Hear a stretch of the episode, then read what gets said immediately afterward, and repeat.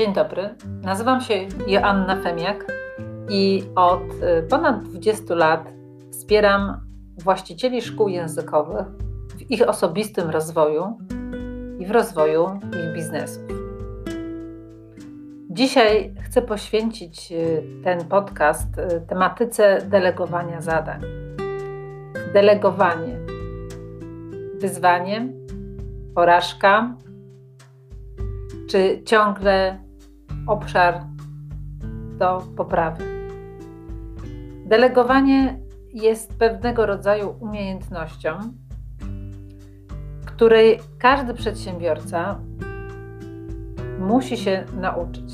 Chociaż nie lubię słowa musi, to generalnie bez delegowania zostalibyśmy na poziomie firmy jednoosobowej. Zazwyczaj słyszę, a delegowanie, dobrze mi idzie, całkiem nieźle, mówię ludziom, co mają zrobić. Ale jak się zapytam, jak ci z tym jest, czy czujesz wsparcie, czy czujesz, że nie jesteś sam, sama w swojej e, firmie, a to już są inne odpowiedzi. Bardzo często to poczucie samotności, braku wsparcia, braku zaufania, takiej nieprzewidywalności ze strony pracowników zaczyna się właśnie w relacji, u podstaw której leży delegowanie. Ponieważ jeżeli się dobrze przyjrzycie procesom, które zachodzą w ciągu każdego dnia w waszej firmie, to zobaczycie, że to, o czym rozmawiacie z pracownikami, to jest właśnie to, co mają zrobić, co mieli zrobić, e, co robią, prawda? W każdy sposób e, możliwy e, obserwujecie realizację zadań, jakość tych zadań, priorytety, czas wykonania, tempo czasami, prawda?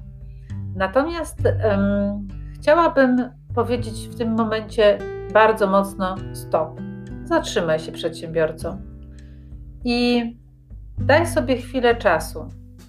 I ten czas powinien być wyznaczony przez ciebie w ciągu całego tygodnia 3-4 godziny, gdzie zatrzymasz się i się zastanowisz, czy to, co robię, to daje mi poczucie satysfakcji, radości, czy ja jestem skuteczny, czy nie.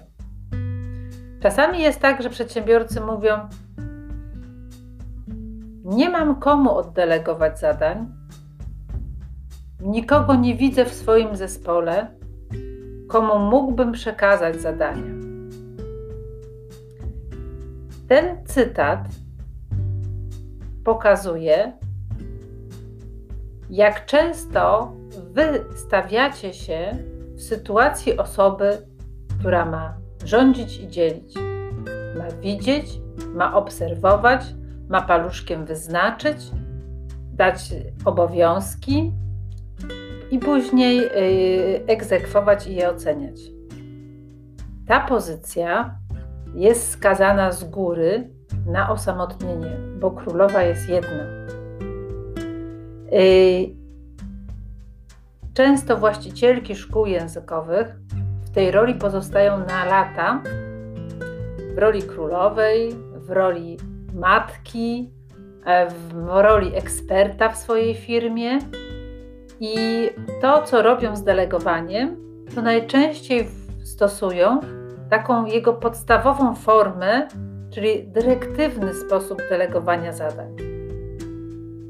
Jeżeli coś z tego, co mówię, jest Ci bliskie, to bardzo Cię proszę, posłuchaj dalej. E, dyrektywny styl zarządzania jest szerszym pojęciem, ale delegowania bardzo łatwo jest określić. Po prostu pokazujesz konkretne rozwiązania i mówisz, co dokładnie ma pracownik zrobić. Ten styl delegowania zadań jest do zastosowania, uwaga, przy nowych pracownikach lub przy nowych zadaniach, albo w sytuacji kryzysowej tak jak na przykład było to w pandemii. Natomiast jeżeli już mamy inną sytuację, czyli mamy doświadczonego pracownika, mamy zadania, e, które mm, nie są nowymi zadaniami, czyli obarczonymi ryzykiem błędów, a sytuacja jest tak zwana normalna, nie ma żadnego powodu, żebyś ty inteligentnym człowiekiem w ten sposób pracował, pracowała. Inteligentny człowiek po jakimś czasie mówieniu mu, co ma zrobić, to ma dwa wyjścia. Albo nauczyć się tak zwanej wyuczonej bierności i nie generować żadnych pomysłów, bo wie, że i tak twoje są najlepsze, albo po prostu ucieknie od ciebie. I jeden i drugi e, sposób reakcji na pewno nie są tym, czego byś oczekiwał, oczekiwała. Dlatego daj przede wszystkim sobie szansę i swoim pracownikom i zastosuj inne trzy sposoby delegowania zadań.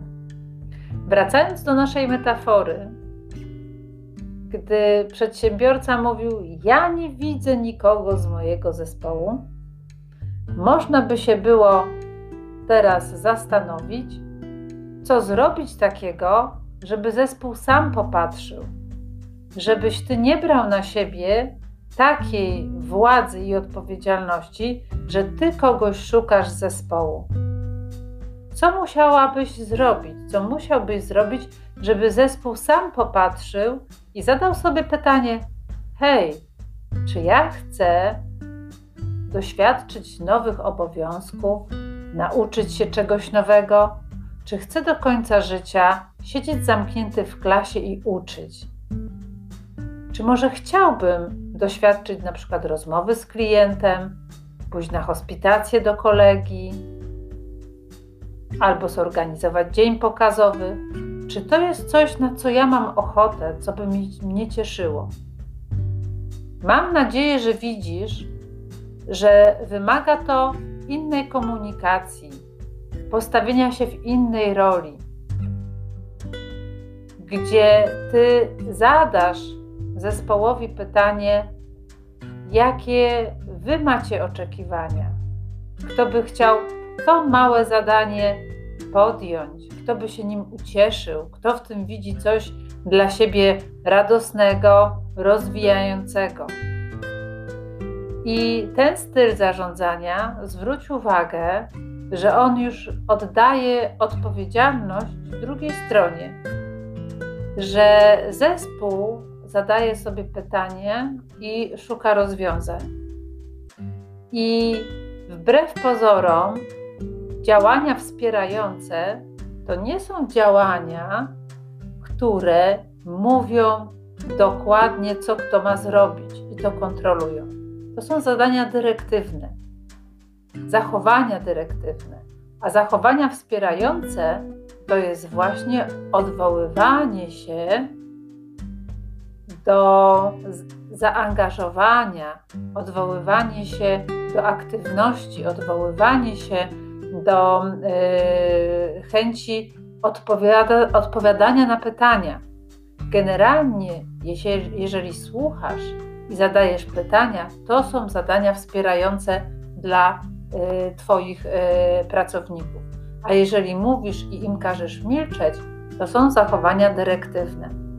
Czyli zamiast pokazywać palcem, kto co ma robić, powiedz im o problemie i zapytaj, jak widzą jego rozwiązanie.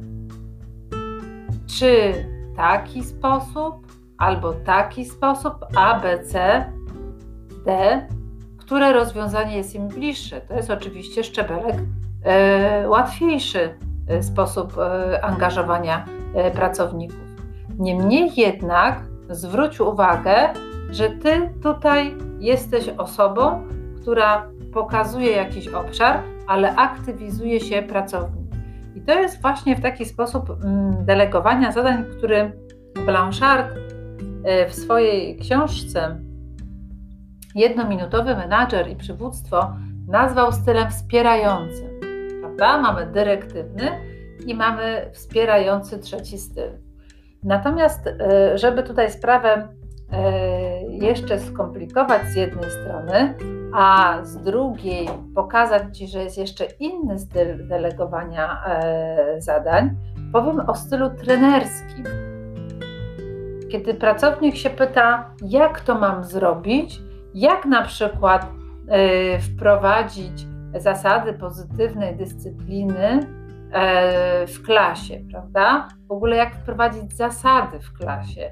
To ty, jeżeli mu powiesz, słuchaj, ja to robię tak i tak, i co sobie z tego bierzesz, co z tego zastosujesz, to jest typ trenerski. To znaczy pokazujesz, jak ty to robisz, ale nie mówisz, że on to ma zrobić, tylko zostawiasz mu wybór, co sobie z twojego stylu zastosuje.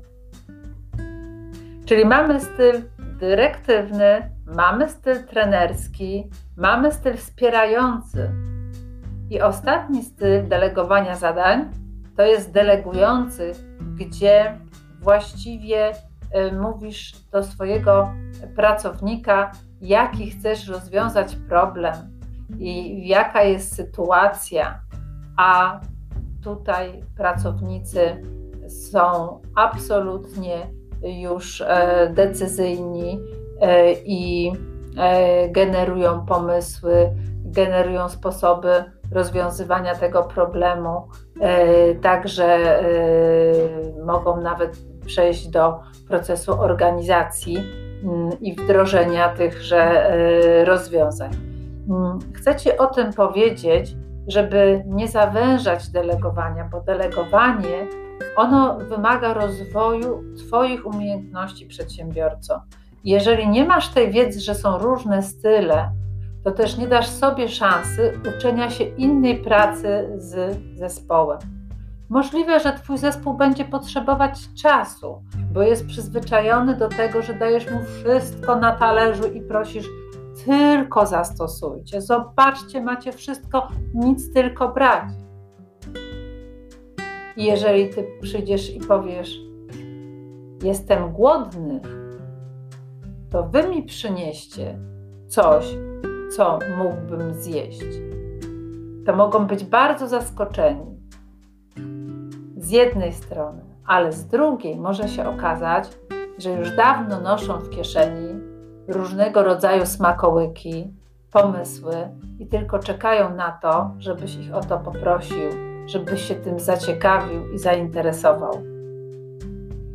Dlatego kończąc, powiem, że delegowanie zadań jest takim mostem, który z jednej strony umożliwia rozwój pracowników, umożliwia im inne zaangażowanie w pracę, ale z drugiej strony wymaga od ciebie, przedsiębiorco, e, kompetencji, ale też e, kompetencji, które się przejawiają w trzech obszarach.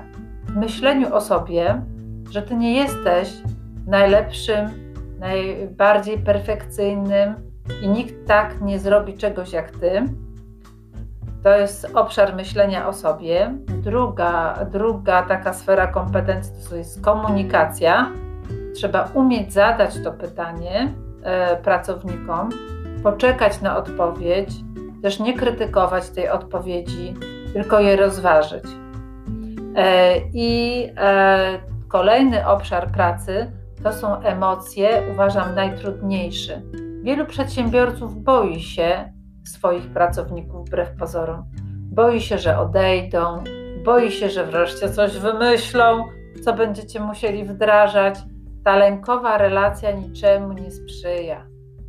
Delegowanie zadań oparte o zaufanie, o odpowiedzialność wymaga też takiej relacji. No trochę zaufania do tych ludzi. Trochę myślenia o tym, że macie do czynienia z ludźmi mądrymi, odpowiedzialnymi, kreatywnymi. A jeżeli się okaże, że jest inaczej, a to wtedy zupełnie inna sytuacja, ale i tak jesteście na plusie, ponieważ wiecie, z kim macie do czynienia. I delegowanie zadań weryfikuje zespół, weryfikuje, z kim pracujecie, a także Was. I ja nie mówię, że jeżeli ktoś w tym delegowaniu nie chce się rozwijać i przejmować odpowiedzialności, to należy z niego rezygnować. Nie, ja tego nie mówię. Ale chcę powiedzieć, że wtedy będziecie mieć świadomość, kto jest na co i na jakie zadania i odpowiedzialność otwarty, kogo jak wynagradzać w związku z tym i awansować. Mam nadzieję, że ten krótki podcast o delegowaniu Was zainspiruje do szukania e, rozwiązań, e, do szukania e, wskazówek, jak rozwinąć w sobie te kompetencje delegowania. I powiem na koniec tak, że oko samo siebie nie widzi. Obserwujcie swoich pracowników, czy są bierni, czy przynoszą rozwiązania, czy raczej czekają na Wasze rozwiązania, czy o wszystkim Wam y, raportują. Takie y, zachowania, które Was bardzo angażują ze strony pracowników, powinny zwrócić Waszą uwagę. Nie dlatego, że oni robią coś źle, tylko ktoś ich tego nauczył. I pracownik jest bardzo często Twoim lustrem. Przyglądaj mu się i tylko z takim założeniem, że on robi coś, czego ty od niego świadomie albo nieświadomie wymagasz. To tyle na dzisiaj. Serdecznie Cię pozdrawiam. Dziękuję, że poświęciłeś czas, poświęciłaś czas i wysłuchałaś tego e, podcastu. Jeżeli jesteś e, zadowolona, coś Ci dał, to proszę udostępnij. Też bardzo chętnie wysłucham Twojej opinii. Wszystkiego dobrego. Do usłyszenia kolejnym razem. Joanna Femiak.